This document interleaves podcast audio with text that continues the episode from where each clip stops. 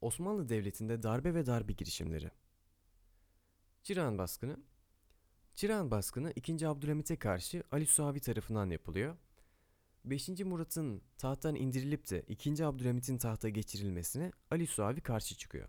Bu nedenle Rumeli göçmenleriyle birlikte Çırağan Sarayı'nı basıyor fakat haberi alan 7-8 Mehmet Çelebi Ali Suavi'yi öldürüyor ve bu şekilde darbe başarısızlıkla sonuçlanıyor. Ayrıyeten 31 Mart vakası var. 1908 yılında yapılan Reval görüşmeleri sonucunda 2. Abdülhamit'in hiçbir şey yapmadığı iddiasında bulunuyorlar İttihat ve Terakki Cemiyeti ve diyorlar ki dostum ikinci meşrutiyeti ilan etmen lazım. Biz eğer yönetimi elimize alırsak senden daha iyi idare ederiz.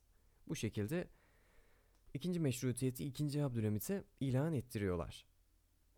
Ardından anlatılanlara göre meşrutiyet yanlısı olmayanlar, hilafet ve padişah yanlısı olan milisler, birlikler, askeriyenin içindeki ordu mensupları isyana kalkıyorlar, isyan ediyorlar.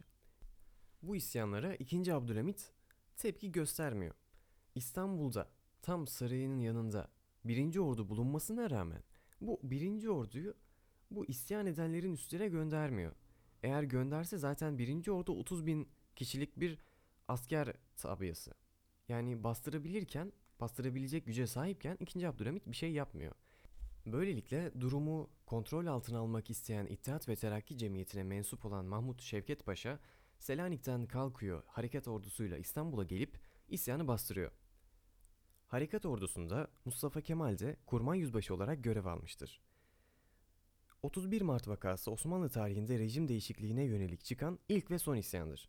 İsyan sonucunda 2. Abdülhamit meclis kararı ile tahttan indirilerek Selanik'e sürgüne gönderilmiştir.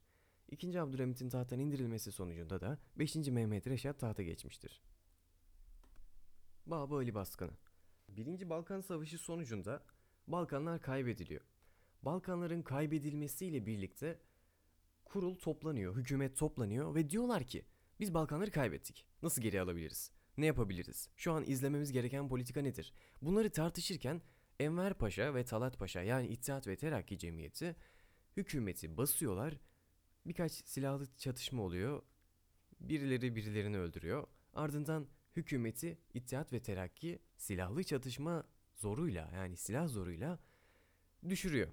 Ve yerine eski sadrazamın yerine yeni sadrazam olarak Mahmut Şevket Paşa geçiyor. Yani az önceki harekat ordusu lideri.